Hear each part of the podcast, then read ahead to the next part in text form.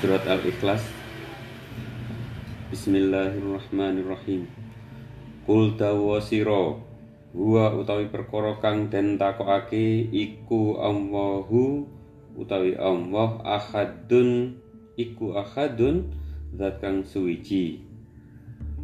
Allahu utawi Allah as-samadu iku as-samadu zat kang den sejo lam yalid ora peputra sapa Allah walam yulat lan ora den putraake sapa Allah.